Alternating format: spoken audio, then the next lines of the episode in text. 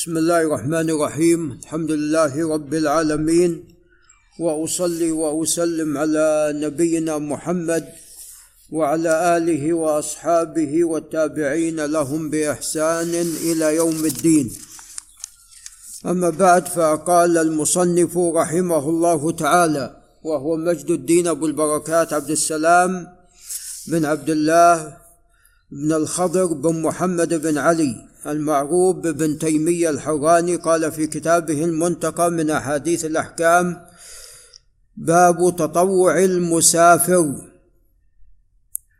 والغازي بالصوم. نعم تضمنت هذه الترجمة أن المسافر هل يشرع له أن يتطوع بالصيام؟ وكذلك أيضا الغازي أي الذي خرج للغزو والجهاد فهل يشرع أيضا في حقه أن يتطوع بالصوم؟ والجواب أنه نعم مشروع لهما أن يتطوعا بالصيام كما سوف يأتي قال عن ابن عباس رضي الله تعالى عنهما كان رسول الله صلى الله عليه وسلم لا يفطر أيام البيض في حضر ولا سفر. رواه النسائي وهذا إسناده ليس بالقوي.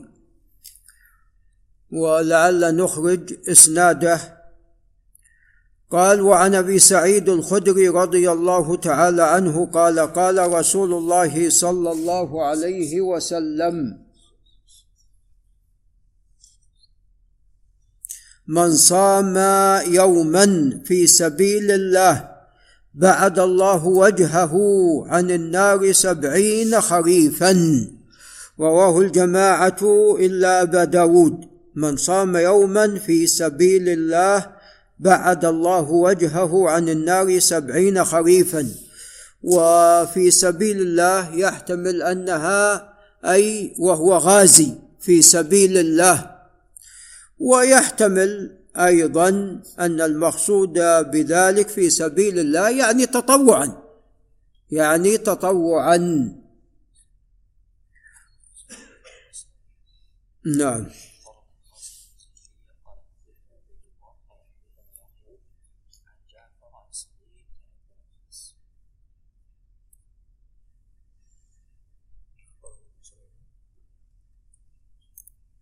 ويعقوب بن من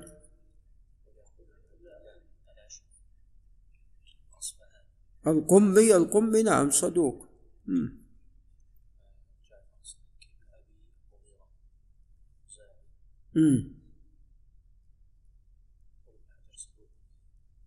مم.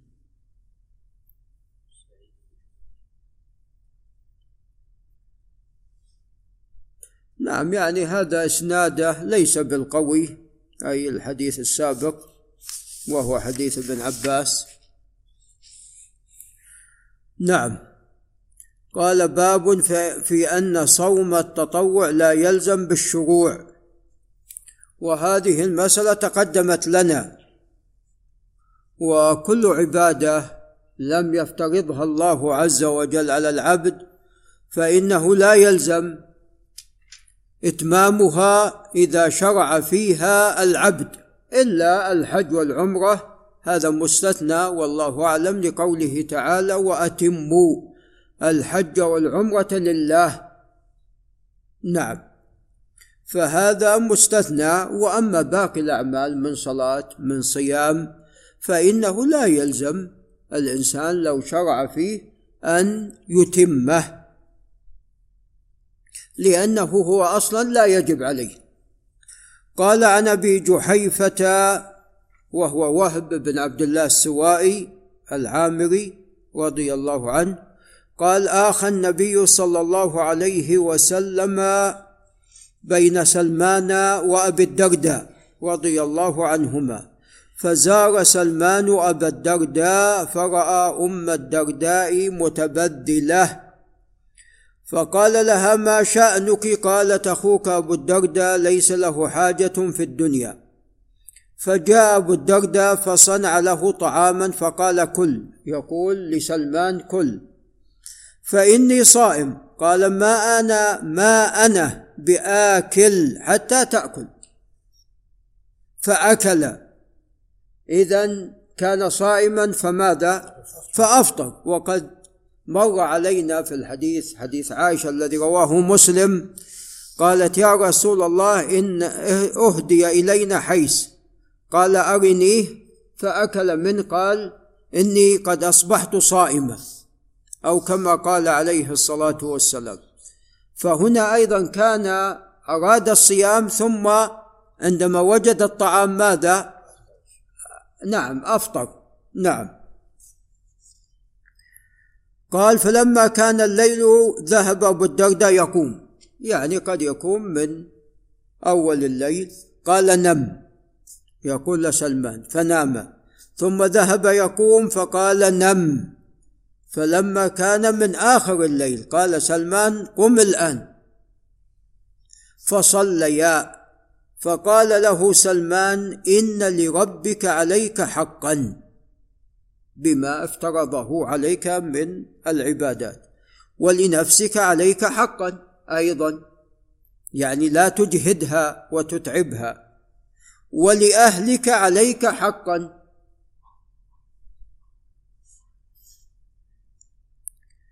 نعم فأهل الإنسان لهم حق عليه. قال فأعطي كل ذي حق حقه. إذا أنت بتشتغل في العبادة راح تدع ماذا؟ تدع هذه الحقوق. نعم راح قد تقصر أو تدع هذه الحقوق. فلذا قال فأعطي كل ذي حق حقه حق الله عز وجل ثم ما يتعلق بحق نفسك ثم ما يتعلق بحق أهلك وولدك إلى آخره. قال فأتى النبي صلى الله عليه وسلم أي أبو الدرداء فذكر له ذلك فقال النبي صلى الله عليه وسلم صدق سلمان.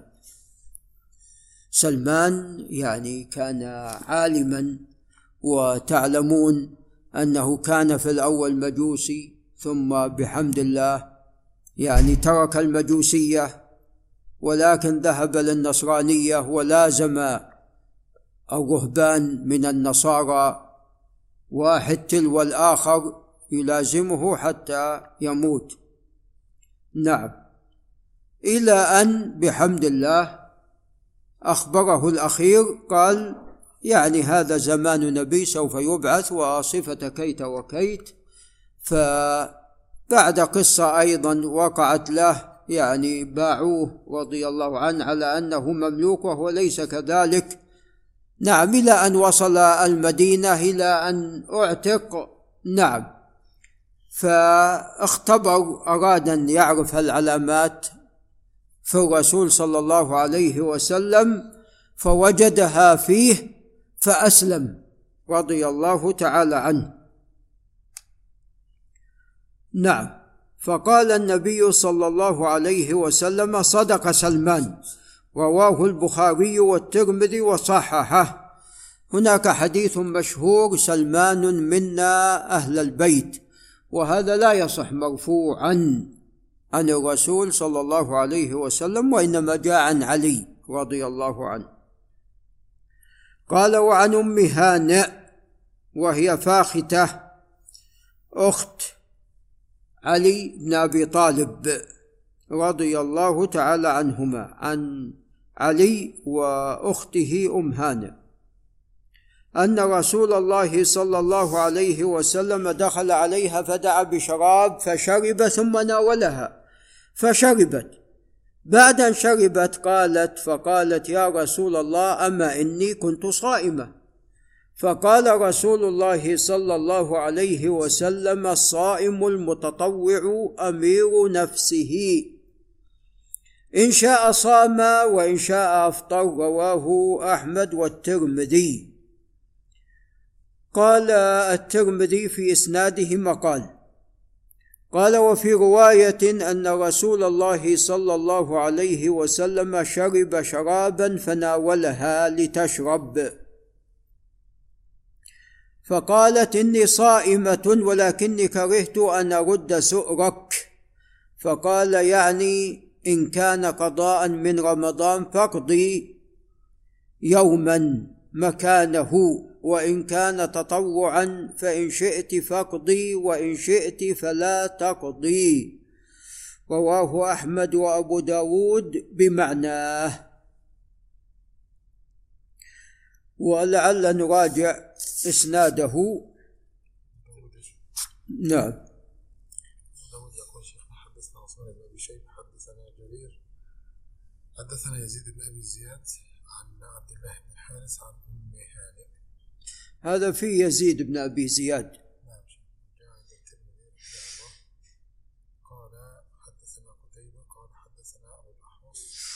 سماك عن ابن أم هانئ عن أم هانئ. وهناك إسناد آخر فيه تفصيل.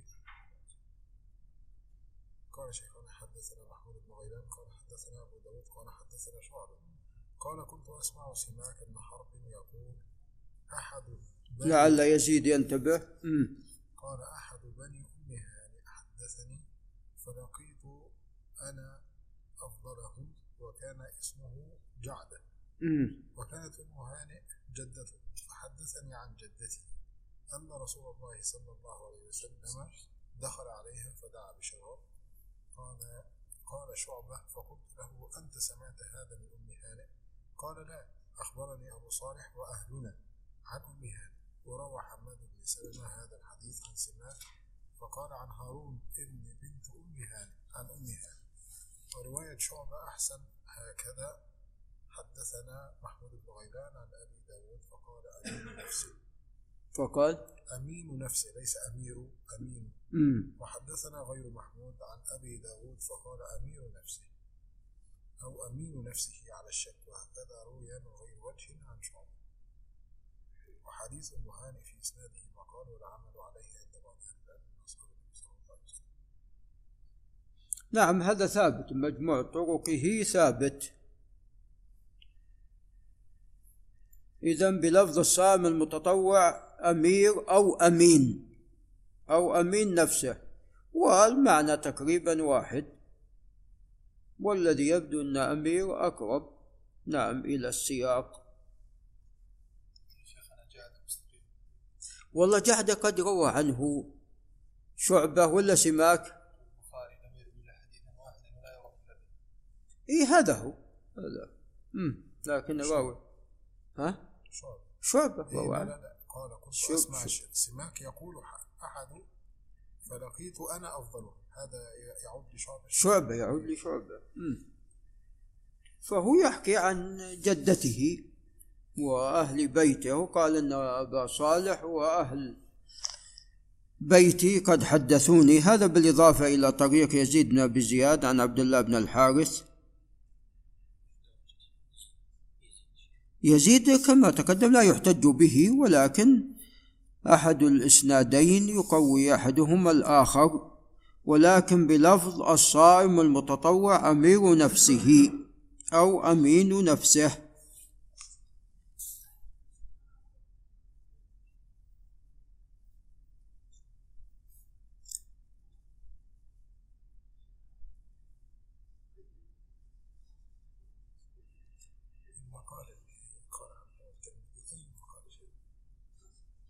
والله هو لا شك فيه مقال يعني فيه مقال بحيث أن يعني ليس صحيح يعني بذاته فهو فيه مقال.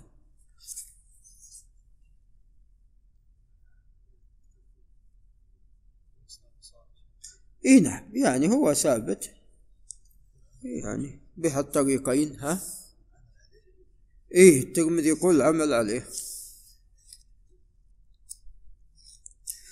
قال وعن عائشة رضي الله عنها وعن أبيها قالت أهدي لحفصة طعام وكنا صائمتين فأفطرنا ثم دخل علينا رسول الله صلى الله عليه وسلم فقلنا يا رسول الله إنا أهديت لنا هدية. واشتهيناها فأفطرنا. فقال رسول الله صلى الله عليه وسلم لا عليكما. صوما مكانه يوما آخر رواه أبو داود وهذا لا يصح. قال وهذا أمر ندب بدليل قوله لا عليكما. نعم ولكن الخبر هذا لا يصح وقد عل بالإرسال. لعل أبو محمد ينتبه. نعم أبو محمد الأستاذ طلال.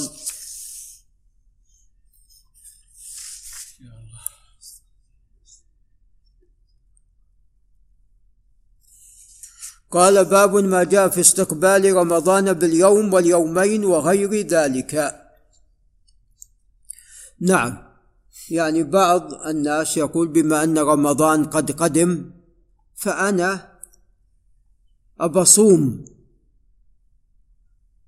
وأستقبل رمضان بالصيام وخاصة فيما يتعلق بيوم الشك الذي هو يوم الثلاثين. قد يكون هو اليوم الأول من رمضان وقد يكون هو نعم تتمة شعبان. نعم.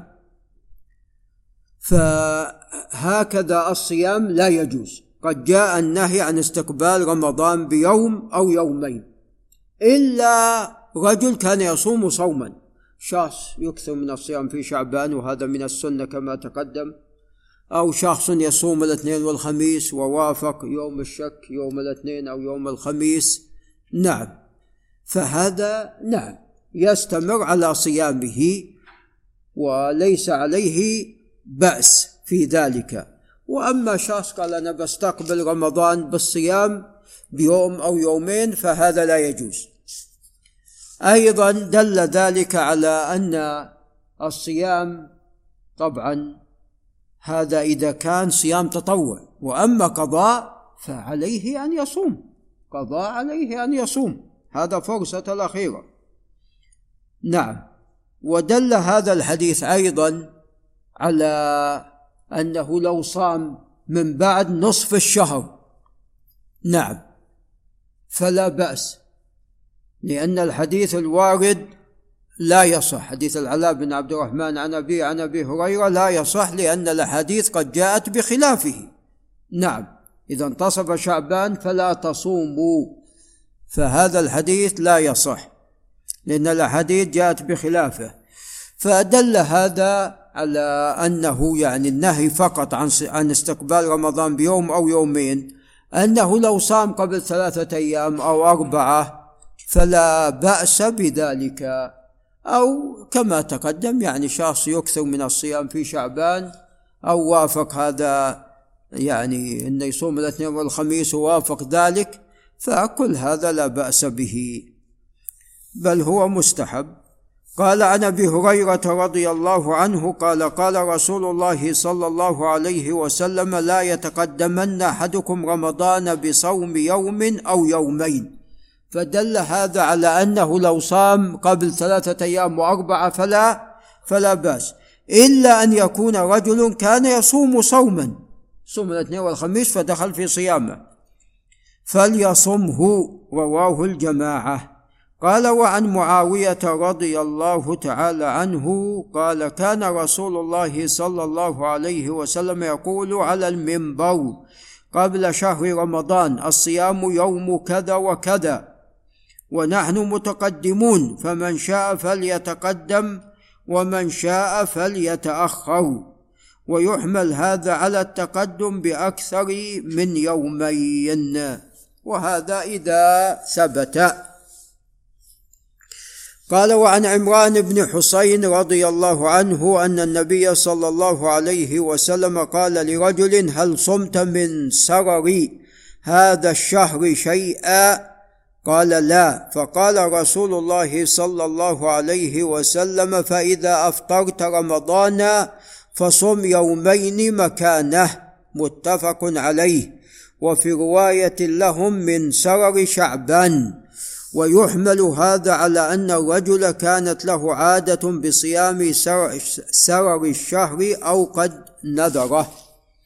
هذا باعتبار أن المقصود بسرر الشهر نهايته وقت استقرار القمر.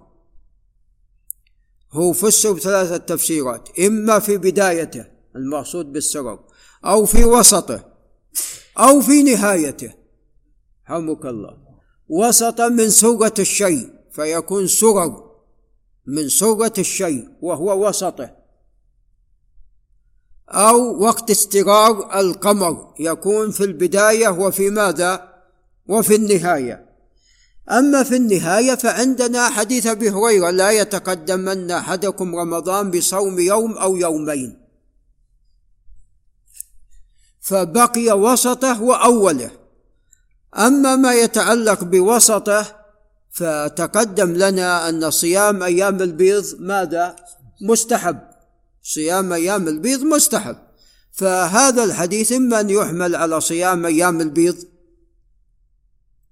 وإما أن يحمل على بدايته والصيام في شعبان والإكثار منه هذا أمر مشروع.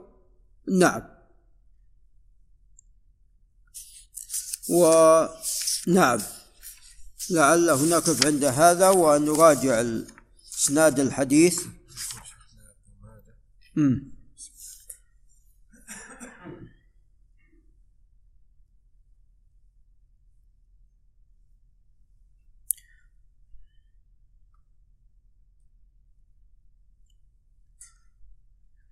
والله هذا طبعا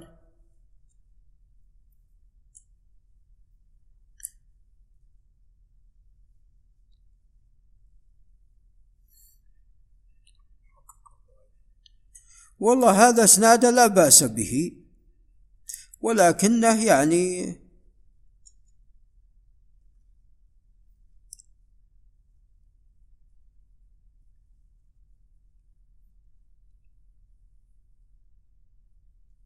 هذا لا نعم. كيف؟ إي نعم يعني الهيثم بن حميد فيه خلاف ولكن الأقرب أنه والله أعلم صدوق. له تكلم في انه يعني قدري. طبعا أبو داود يقول قدري ثقة. الذهبي وابن حجر يقولان صدوق. قال دحيم كان أعلم الناس بقول مكحول. ذكر ابن حبان في طبقة أتباع التابع تبع الأتباع. من كتابه الثقات وقال الإمام أحمد ما علمت إلا خيرا. قال الدار قطني ليس بالقوي وقال أبو مسهر نعم ضعيف كان ضعيفا قدريا. عبد الأعلى عبد الأعلى بن مسهر. حديث معاوية.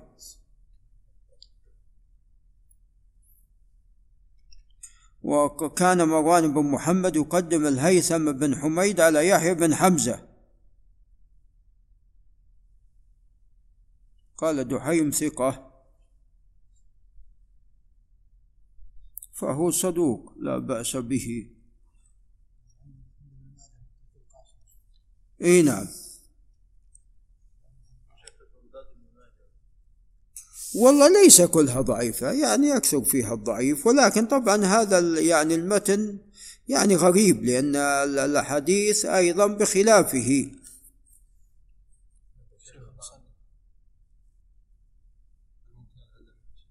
كيف؟ عباس بن الوليد ثقة. والله القاسم طبعا فيه كلام لكن صدوق. قاسم صدوق. لا هذا ما فيه إرسال. هذا ليس فيه إرسال وإنما الإرسال تقدم الكلام عليه. هذا ليس فيه إرسال. نعم هذا فيما سبق.